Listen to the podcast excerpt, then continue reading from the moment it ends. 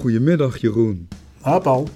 Loop jij al door het huis met een 3D-bril op, jongen? Ja, om, om in de metawereld uh, eindelijk uh, deelgenoot te worden van uh, een revolte. De revolte van de 21ste eeuw. Ik ben heel benieuwd, maar ik heb de bril nog niet. Nee, ik ook niet, joh. Ik weet het niet wat, het, wat het worden moet. Ik ben sowieso geen beta-man. En ik ben ook geen gamer. En ik weet niet zo goed wat ik me ervan voor moet stellen over die metaverse. Het uh, is volgens Zuckerberg de opvolger van het internet. Dus je hebt geen uh, browser meer nodig, geen computer meer nodig. Je zet zo'n ding op en je kunt er van alles bij verzinnen. En wij zitten dan bij elkaar aan tafel, Jeroen. Dat is dan wel weer leuk. Ja, dat is de toekomst die binnenkomt. Hè? Had jij er overigens ook nooit iets eerder al iets over gelezen? Want het kwam me wel bekend voor. Um, ik, ik, had wel eens een keer bijvoorbeeld, uh, gek genoeg over de Tour de France gelezen, dat er een, een, techniek beschikbaar zal komen ergens deze eeuw, waardoor je gewoon een, een bergetappe uh, echt 3D in je huiskamer kan, kan, kan meemaken. Je zit er middenin. Ja, en je kunt hem ook fietsen. Je kunt ook met tegenstanders uh, een berg oprijden en je zit allemaal op diezelfde berg. Ja, het lijkt, me, het lijkt me wel een beetje raar eigenlijk. Ik weet niet of ik er wel zo'n behoefte aan heb. Mark Rutte uitnodigen, zomaar gewoon in je kamer. En hem eens even goed bijpraten over hoe de burger erover denkt. En dat hij dat, en dat, hij dat uiteindelijk ook begrijpt. Ja, daar komen dan misschien wel uh, nog meer van die nepfilmpjes uh, over. Zoals uh, deze afgelopen week was gemaakt door de correspondent. De deepfake. Heb ik me erg over verbaasd, maar ook erg aan geërgerd. Waarom? Dat je um, zoiets uh, thuis in elkaar knutselt is één. Maar dat je dat als serieus persorgaan doet, dat vind ik verwerpelijk. Um, en vooral verwerpelijk, want ze hebben het ook verdedigd. En zeiden ze, dit is een deepfake, dus ze erkenden dat het niet echt was. Maar ze zeiden daaronder wel, als je ermee eens bent wat hij zegt, verspreid het dan onder zoveel mogelijk mensen. Dan maak je van deepfake reality. Je, je, verspreidt dat over het hele internet. En er is iets wat ik daar nog, misschien nog wel kwalijker aan vind. En dat was het tweede voorbeeld wat ik aantrof die week. Het eerste was van Peter de Waard, een columnist in de Volkskrant. Dat ze de minister-president beschouwen als iemand met een persoonlijke macht. En helemaal kwalijk was dat bij Peter de Waard, die dan hem verweet dat hij zijn hoofd liet hangen naar een coalitie en dat hij niet zelfstandig dapper was. Maar ook bij de correspondent wordt de minister-president persoonlijke macht toegeschreven. En dat hebben we niet in Nederland. Gelukkig maar, zeg ik dan. We hebben in Nederland een minister-president die een coalitie leidt en voorzitter is van de ministerraad. Nou ja, enige invloed heeft hij toch wel. Uh, gelet op uh, alles uh, wat het afgelopen anderhalf jaar is gebeurd. In, in zaken zijn profiel als, een, als, een, als de premier die het land door de coronacrisis leidt. Maar als hij vervolgens maar dan spreekt hij volgens, namens het hele kabinet. Hij is de voorzitter van het kabinet. Ja, maar natuurlijk wordt er dan ook nog enige persoonlijke invloed uh, aange, aange, nou, aangevreven is het niet, maar dat, dat, dat, heeft hij wel. Maar als het dan werkelijk zo is wat hij uh, in die deepfake uh, beweert, moet hij toch ook op een of andere manier invloed hebben. Het gekke is... Ja, maar die invloed heeft hij wel, maar binnenskamers. Die invloed heeft hij als hij samen met zijn ministers praat. En de werkelijke invloed komt van zijn partij, de VVD. De fractievoorzitter van de VVD, die moet aansturen. Die moet zeggen, hier staat mijn partij voor. En die zou het zelfs niet met het kabinetsbeleid eens kunnen zijn. Het zijn de fractievoorzitters van de Kamer die dat afkeuren of goedkeuren. Ja. En dat is toch zoals het staatsrechtelijk in Nederland functioneert. En dan verwacht ik van journalisten en ook van columnschrijvers in serieuze kranten dat ze dat weten en dat ze daar ook dienstbaar aan zijn. We hebben al uh, genoeg gedoe in dit land. Nou ja, staatsrechtelijk uh, zal het inderdaad wel kloppen wat je zegt. Maar we, we leven natuurlijk ook in een cultuur, en het gaat uh, over de hele wereld zo, van het, het, spelen met personen. het kandideren van personen. Ja, maar zijn we daar dan zo blij mee dan? Dat we toch uh, zo langzamerhand wel eens moeten bedenken of dit wel een uh, juiste toekomst is voor ons democratisch functioneren. Het belangrijkste is, uh, denk ik, los van het democratisch functioneren, is hoe we als, als samenleving functioneren. Want eh, we hebben het al eerder over gehad, maar het, het, je voelt het aan alles. Terwijl toch buiten gewoon vriendelijk de zon schijnt. Ja, hoe, de, hoe Nederland uh, door Bert Wagendorp vanochtend in de Volkskrant als een dorp omschreven, toch wel heel erg onder spanning staat. Maar komt dat niet ook doordat wij ons heel erg richten op personen? En dat we mensen persoonlijke macht toeschrijven, in plaats van dat wij ons concentreren op het naar elkaar luisteren. En ideeën naast elkaar leggen op zoek naar waarheid, met respect voor elkaar? Nou ja, dat, dat deels. Uh, maar ik stel vast dat uh, dit dorp of dit landje, Nederland, ook heel veel gelaagd is. En dat er uh, spanningen zijn tussen jong en oud, tussen bevolkingsgroepen en tussen, tussen wit en wit. Het is blank tegen blank, met het trekken van een burgeroorlog, zoals het nu zich aftekent tussen de gevaccineerden en de, de niet-gevaccineerden. Het is allemaal nogal schuimbekkend en en, uh, in de verwijtende sfeer.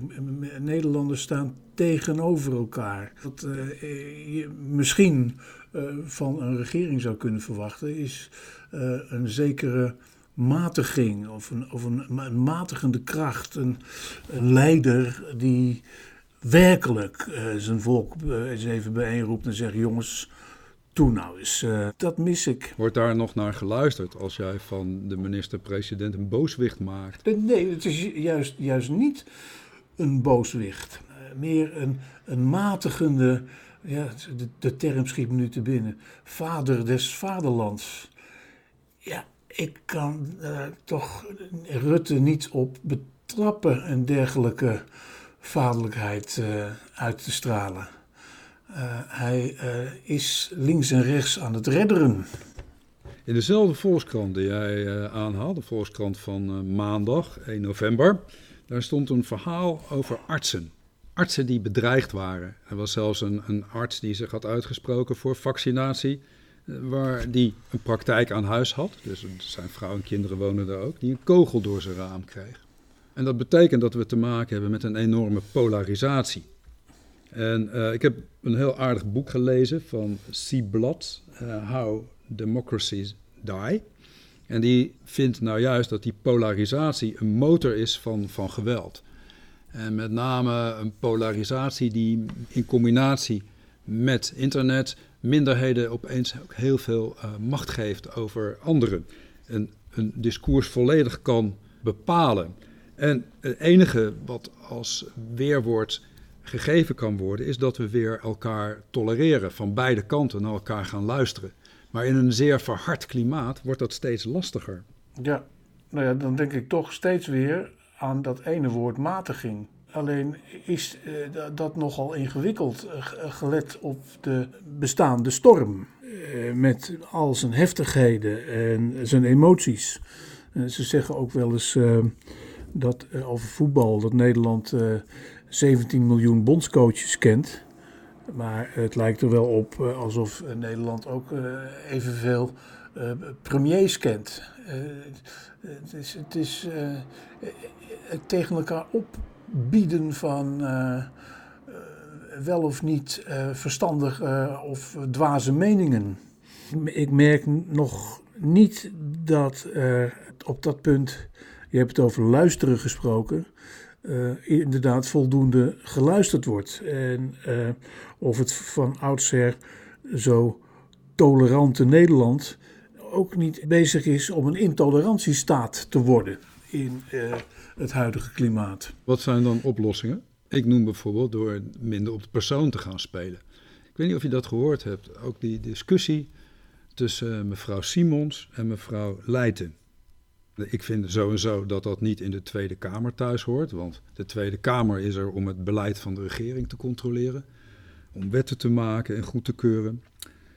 Uh, maar hier ging het over iets wat zich tussen personen afspeelde. Mevrouw Renske Leijten verweet de fractiemedewerkers van Bijeen dat zij, als zij door de gangen liep, en niet alleen daar, maar ook in columns, steeds werd uitgemaakt voor racist omdat zij bij de toeslagenaffaire sprak van racisme en discriminatie en niet van racisme alleen. En zij vroeg uh, aan de fractievoorzitter van Bijeen. Of zij daar iets tegen wilde doen. En of zij vond dat zij een racist was. Dus dan kreeg je al in de Kamer een hele onaangename discussie. Waar zich later ook nog anderen in mengden. En dan denk ik, ja, als we zo met elkaar omgaan in de Kamer. Wat verwacht je dan van mensen in het land?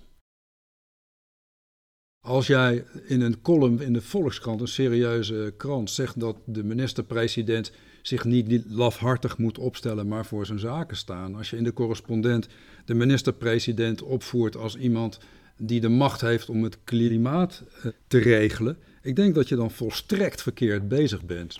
Was het maar waar dat hij het kon regelen? En ik denk dat we daar moeten beginnen. Dat daar een soort uh, heroriëntatie moet plaatsvinden op hoe gaan we met elkaar om. Ik zag nog een uh, filmpje donderdag van de PVV. Ja, waar de bewindslieden werkelijk met de grond gelijk gemaakt worden. Is een basis niet, van democratie niet dat de meerderheden ook rekening houden met minderheden? Dat je naar elkaar uh, luistert, dat je op zoek bent waar ligt het compromis? Maar dat lijkt te ontbreken. En dan hebben we het over nu een bestuurscultuur. Er wordt toch ook voortdurend over uh, uh, gedelibereerd. In de informatie van een nieuw kabinet wordt toch zo, ook zo steeds gehamerd op een nieuwe bestuurscultuur. De Kamer die wil dat, maar zou de Kamer niet ook eens bij zichzelf moeten beginnen? Ja, als je elkaar, als je, als je elkaar op uh, punt van racisme op deze manier al labelt, ben je toch ook weer niet helemaal goed bezig. En uh, is het gevoel voor verhoudingen zoek. En, uh, het, het, is allemaal ook zo um, over de top en over de grens. Uh, dat, dat, ik heb dat vorige week ook gehad toen ik naar een van onze vaste, tamelijk populistische podcastmasters luisterde. Een man die het alleen maar had over de leugenaars en die dat ook een half uur volhield in zaken corona. Nou ja, dat was een orgel wat al vaker bespeeld is. Is dat die man die altijd begint met dat hij er is voor strijders voor onze vrijheid en onze rechten? Ja, en daar ook, dat ook voor pal voor staat. Het is, uh, nou ja, je zou het bijna satire noemen.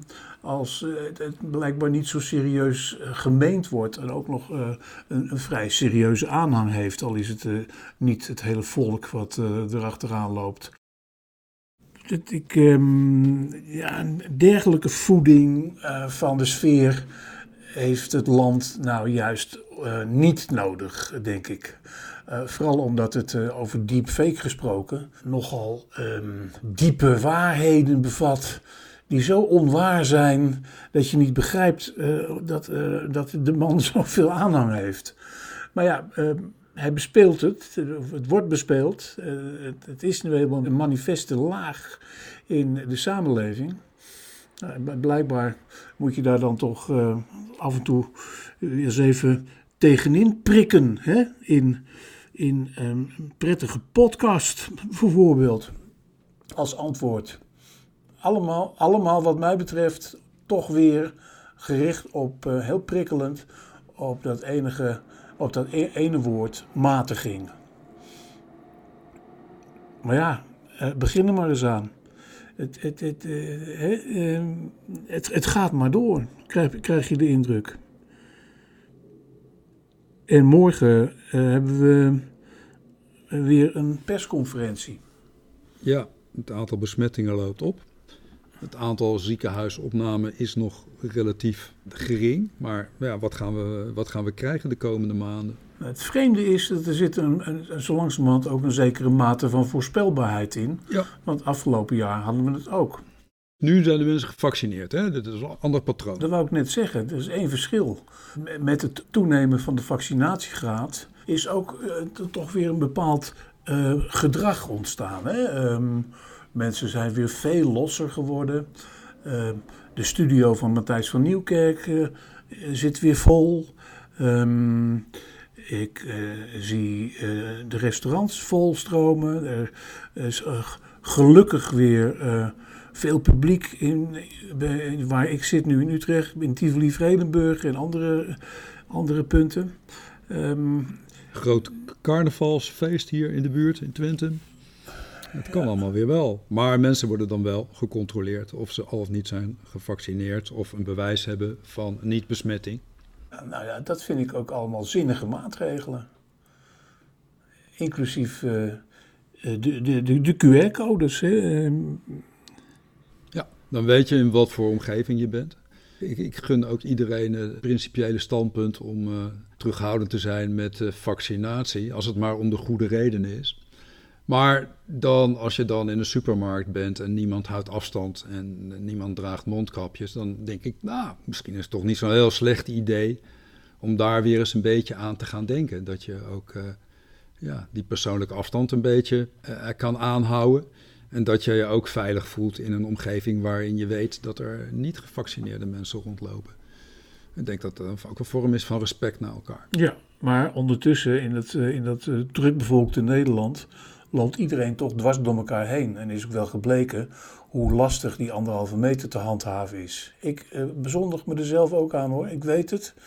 Um, maar ook door de, door de toegenomen vaccinatie en de bewegingsvrijheid uh, zal het uh, lastig worden om bijvoorbeeld zo'n anderhalve meter maatregel weer stringent in te voeren. Laat staan te handhaven. wat die QR-code betreft, ja, ik vind dat een goede ontwikkeling. Um, ik vraag me alleen af of het over de hele lijn gebeurt. In sommige restaurants en cafés gebeurt het wel, maar ik heb ook wel meegemaakt dat je gewoon toch, toch binnen kunt lopen. Vraag het me af en ik ben benieuwd hoe de komende weken zal lopen. Uh, herfst is toch al niet zo'n vrolijk stemmende seizoen, toch?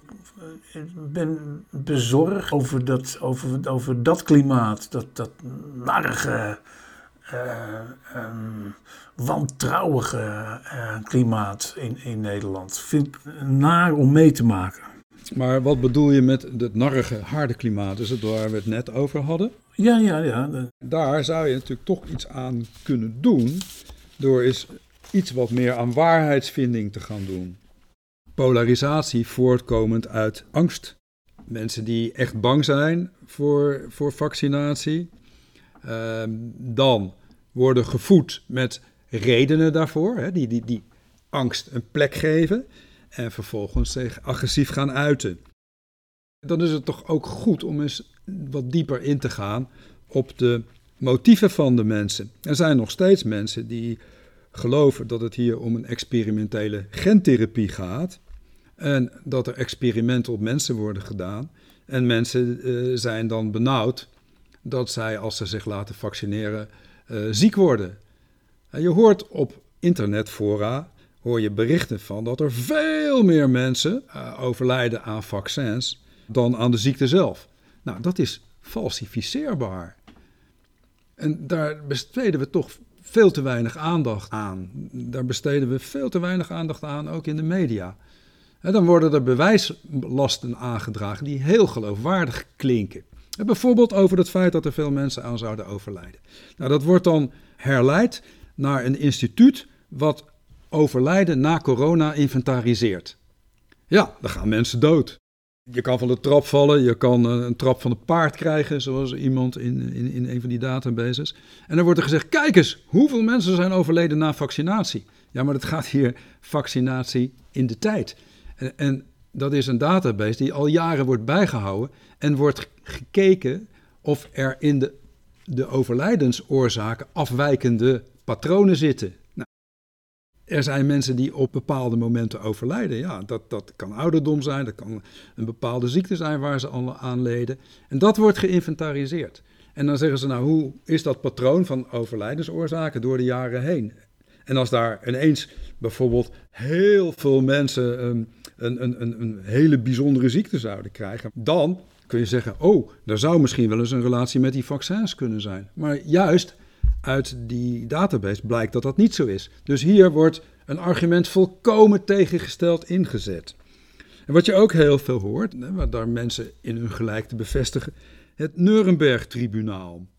De verantwoordelijke bewindslieden zouden zich moeten verantwoorden, omdat zij uh, dienstbaar zijn aan mensen die de macht in de wereld willen overnemen. Daar hebben we het vaker over gehad. Maar dan wordt zo'n Nuremberg-tribunaal verward met iets heel anders. Er was in Nuremberg ook een conferentie waarin is gesproken over medische experimenten in de Tweede Wereldoorlog op mensen. Mengele heeft dat gedaan, verschrikkelijk. Mensen volkomen weerloos uh, overleveren aan, aan experimenten zonder dat ze op enige manier toestemming voor hadden gegeven. Verschrikkelijke dingen. Daar was die conferentie voor bedoeld. Maar dat kan je niet vergelijken met goed geteste vaccins, waar mensen zelf over kunnen beslissen of ze die nemen of niet. Dat zijn, dat zijn bizarre vergelijkingen. En dat leidt ook tot verharding. Dat geeft mensen het gevoel dat jouw verantwoordelijke bewindslieden oorlogsmisdadigers zijn. Dat is zo vals. Mm. Mm. Maar die kleine groep, dat is zo'n groep die kan radicaliseren. Mm. Ik las uh, vandaag ook in een van de kranten een artikel over hoe het in Bulgarije is. Ja, daar worden dit soort theorieën nog veel meer aangehangen, waardoor maar 30% van de mensen zich laat vaccineren. In Nederland heb je dan ook nog mensen die geloven in de kracht van het eigen lichaam. Alhoewel daar ook allerlei falsificeerbare data voor zijn. Mensen die kerngezond zijn, veel sporten en toch heel ziek worden. Uh, er is ook de religieuze component. Hè? Mensen die echt. Er was nog zo'n dominee bij jou uit de buurt die daarover predikt. Het teken van het beest, hè? de QR-code. De, de, de, de antichrist, het einde der tijden. Ja, het uh, je niet verzetten tegen Gods wil. Dat zijn ook allerlei motieven. Als ergens niet heen wil, is het naar Staphorst. Ah, daar zitten nu ook een aantal hele serieuze uh, huisartsen.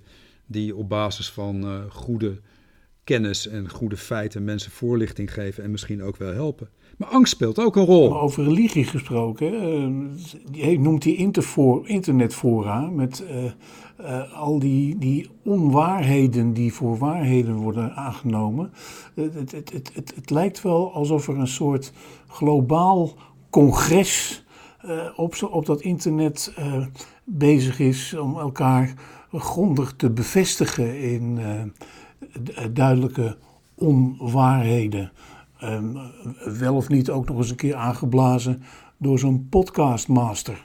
Het, het, het, lijkt wel alsof er wat dat betreft ook een, een, een nieuw soort geloofsbeweging is ontstaan. Met leerstellingen en, en hele um, onwrikbare uh, gedachten een, een, breed gedeelde gedachte. Wat op dat punt over waarheden gesproken, eh, zag ik een interessant eh, verhaal ook in de NRC over eh, een boek van de filosoof Kees Zwijstra, ehm, getiteld Waarheidszoekers. Man die een heel hard oordeel heeft over die complotconsumenten, zoals hij dat noemt. Ehm, omdat zij, zegt hij, niet willen accepteren dat het leven vaak onbevattelijk is en daarom vluchten in de online sprokkelwereld, waar evidente onwaarheden voor waar worden gehouden. Nou, hoor je toch eens een keer niet van uh, een, een, een, podcastprater, maar iemand die ervoor heeft doorgeleerd, zou ik zeggen. Die meneer, die filosoof Kees Zwijstra. Wat mij betreft eh, is dat de vinger juist precies op wat uh, je zou ook zou kunnen noemen de deep truth. Geen deep fake, maar deep truth. Een, een, een, een geweldige waarheid als een, als een koe. Als een, als een hele veestapel, zo waar vind ik dat, wat hier Vijstra... Kijk, als ik het zelf al niet had bedacht, wordt het, in ieder geval door zo'n verstandige manier bevestigd.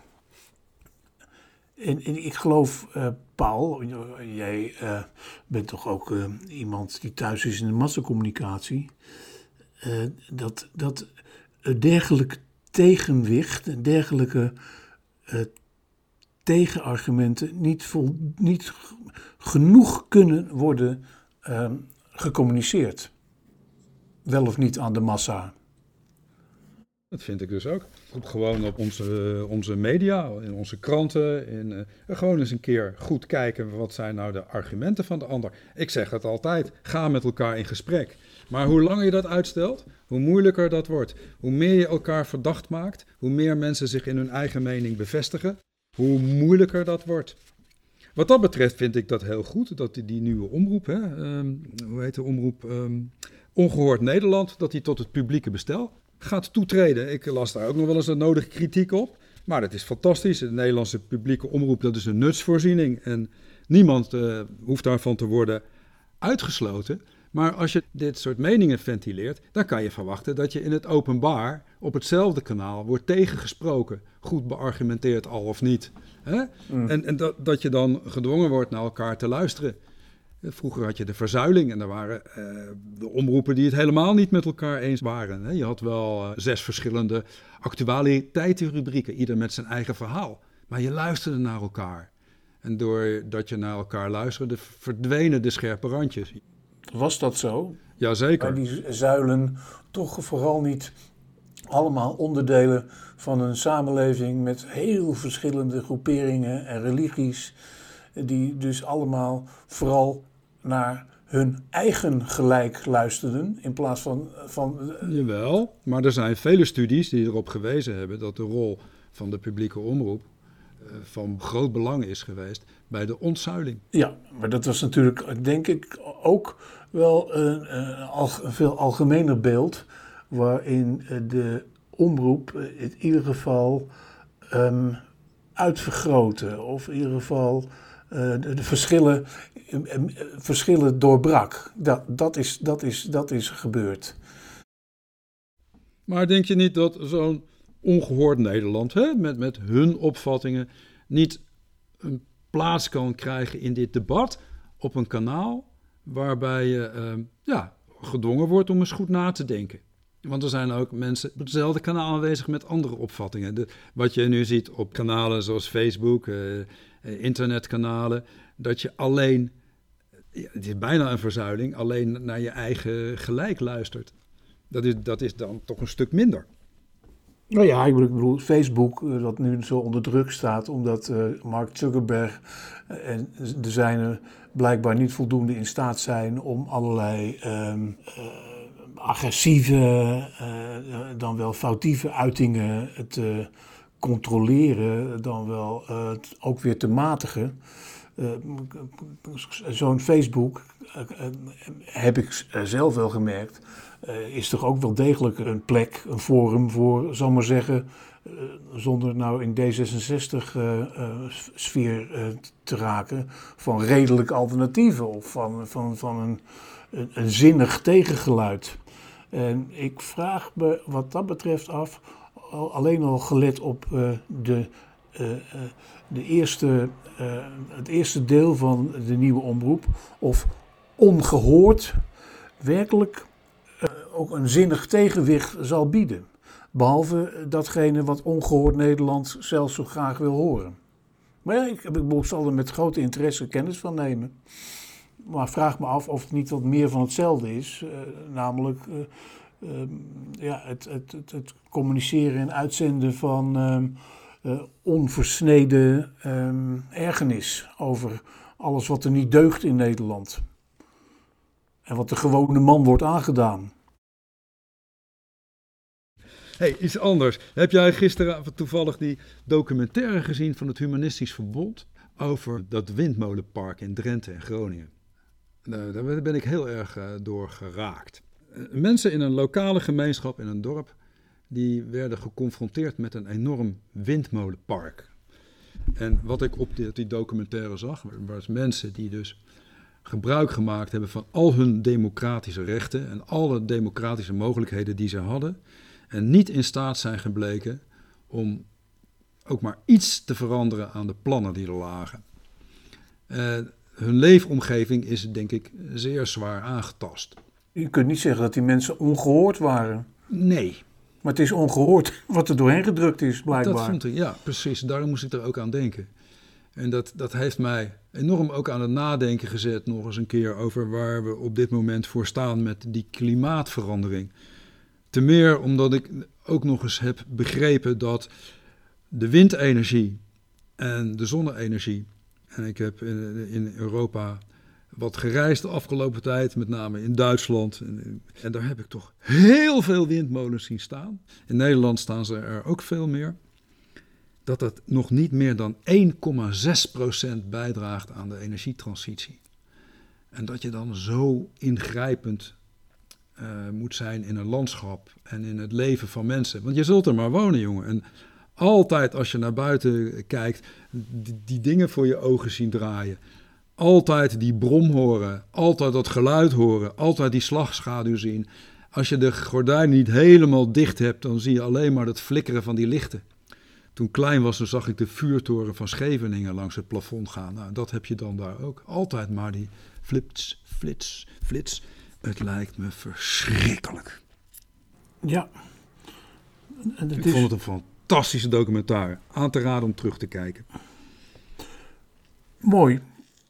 Wat ik ook wel aan te raden vind over uh, klimaat gesproken en verharding en agressie en voetbalsupporters die nodig moeten worden aangepakt, ben ik het helemaal mee eens, was en is een expositie die ik heb gezien in Klein Amelisweert, of in, in Amelisweert, in het landhuis Oud Amelisweert. En die expositie heet Nieuw Land, Nieuw, uh, nieuw Huis. en ik vind dat een belangwekkende expositie. Vertel, waar gaat die over? Het zijn doeken en kunstwerken gemaakt door vluchtelingen. En die zijn um, onderwerp van zorg en steun van uh, de Galatea Foundation. Dat is een stichting die zich bekommert om het lot van mensen die hoofdzakelijk uit uh, zwaar door burgeroorlog getroffen landen uit het Midden-Oosten komen. Uh, er zijn Iraniërs bij, Palestijnen en nogal wat Syriërs. Gistermiddag was ik bij de prijsuitreiking aan een van die Syriërs. Dat is Oussama Diab, een Bachelor of Fine Arts uh, aan de Universiteit van Damascus. Dat is een van de mensen die um, kunst maakt van de diepe emoties die ze hebben meegemaakt, om daar in onderdrukking te leven, in landen met een ongelofelijke dictatuur. Een van hen zei: De muren hebben daar oren. Daarmee ben ik opgevoed. Die man die zat in een soort openbare gevangenis van de zwijgplicht. En eh, los van de werken die soms heel abstract zijn of, eh, en dan weer heel figuratief en uh, kleurrijk. Um, is het, eh, zijn het stuk voor stuk geladen doeken en vooral, vooral schilderijen uh, met, waar, de, waar de spanning en de gevoelens van afspatten. Kan je daar eentje beschrijven die jou heel erg aansprak? Um, dat is een schilderij van um, ook een Syrië, man uit 1966, Muafxal. En een, een, een, groot, groot doek, heel kleurrijk, met een, een, een naakte vrouw en een gevleugelde figuur in een heel gezelschap van mensen met gesloten ogen. En hij zegt daarover in zijn uh, kunstenaarsboodschap, de Artist Statement. In mijn schilderijen probeer ik de oorlog en de verwoesting van binnen te laten zien. De mensen zijn verdrietig en hun ogen meestal dicht. Ze willen niet naar buiten kijken als een protest op de lelijkheid van de wereld. Hun handen zijn achter hun rug gebonden, want ze willen hun handen niet vervuilen en hun onschuld behouden. Sommigen hebben vleugels als een symbool van hun, zoektocht, van hun zoektocht en hun verlangen naar vrijheid. Mijn werk zegt Moaf Xaal, is kleurrijk, want kleur is het leven en de hoop op een betere en mooiere wereld. Nou, daar word ik toch, hoe nafrant de achtergrond ook is en, en wat die mensen allemaal hebben, mee, hebben meegemaakt, ik vind het toch een, ook een teken van hoop. En het is mooi dat, dat in Nederland zoveel bescherming en, en, uh, en welkom uh, ontvangt van zo'n stichting die zich daarvoor inspant. eh, dat het landhuis Amelisweert er is om dat tentoon te stellen. Dat geeft iets aan, over dictatuur gesproken, dat Nederland bepaald geen dictatuur is. Dat mensen hier de vrijheid krijgen om dat te laten zien. Afkomstig uit hele barre omstandigheden en barre landen. Ja, dat, dat schept toch wel, ja, wat die man ook zegt. Het, het, het draagt bij tot de hoop eh, op een betere en mooiere wereld. Zeker. Dat vind ik wel een mooi, mooi besluit van uh, deze, deze samenspraak. Ja, het is misschien idealistisch, maar het, het, het, is in ieder geval duidelijk. Zonder strijd, zonder strijd gaat het niet. Eh, hier gaat het om. Je gaat, je gaat er naartoe, je gaat kijken, je leert van elkaar. Daar, daar gaat het om. Je respecteert elkaar, je luistert naar elkaar. En uiteindelijk staan mensen, als je ze één op één benadert, en, en, met elkaar, zet, zet, zet, ze met elkaar op een eiland. Je komt er wel uit met elkaar. Ja. Huh? Welke cultuur, ik, mijn ervaring is, welke cultuur je ook hebt, waar je ook vandaan komt. Er zijn mensen waar je, als je daar een tijd mee verkeert, het heel goed mee hebt. En daar moeten we maar eens aan denken. Moeten we maar eens wat meer aan denken. Maar zonder schuren gaat het niet. Eerst het schuren en de strijd en dan de schoonheid. Welke strijd? Ik wil er wel eens vanaf eigenlijk. ja. ja. ik moest van de week nog denken toen. Het ging over dat klimaat. Hè. Is iets waar ik me wel zorgen over maak. Maar dat doe ik al sinds 1970. Toen uh, liep ik met mijn anti-plastic tasje al, uh, al rond. Club van Rome. Er is gewaarschuwd, gewaarschuwd, gewaarschuwd, gewaarschuwd. We praten, we praten. Hè. Mevrouw Toenberg zegt bla bla bla. Ik vind het wel, wel grappig. Maar het schiet niet op. En het enige waar we nu voor staan is die conferentie in Glasgow. En daar worden plannen gemaakt, maar geen afspraken. En dan zie je dat het verminderd snel gaat, op zijn hoogst. Dus, dus het probleem wordt absoluut niet opgelost. En toen moest ik opeens denken aan dat hondje op La Palma. Mm. Daar is een vulkaan. Die is uitgebroken. Ik weet niet of je het eh, ooit eens gezien hebt in een filmpje voorbij zien komen. Daar waren twee hondjes. En die hondjes die liepen op een binnenplaats. En die was volledig omgeven door de magma. Dus die hondjes die konden daar niet uit, want dan brandden ze hun pootjes. En die werden wel door een drone met voedsel elke dag van eten en water voorzien. En op een gegeven moment waren er toch een aantal redders die zeiden: We gaan een plan bedenken met uh, zo'n drone en een soort pangnet die honden daar weg te halen. En dat hadden ze goed uitgedacht, goed voorbereid. En die ochtend uh, vlogen ze er naartoe. En de hondjes waren al weg. Maar het leuke was dat daar een groot spandoek hing. Gered met dank aan het E-team. Ja. En misschien hebben we voor het klimaat gewoon een E-team nodig. Weet je nog, die mannen die altijd alles oplosten. Want wat was hun grote kracht? Ze hadden een plan, ja. Jeroen. En ze waren ook heel divers. En ze Goed waren zo. heel divers, precies. Tot volgende week.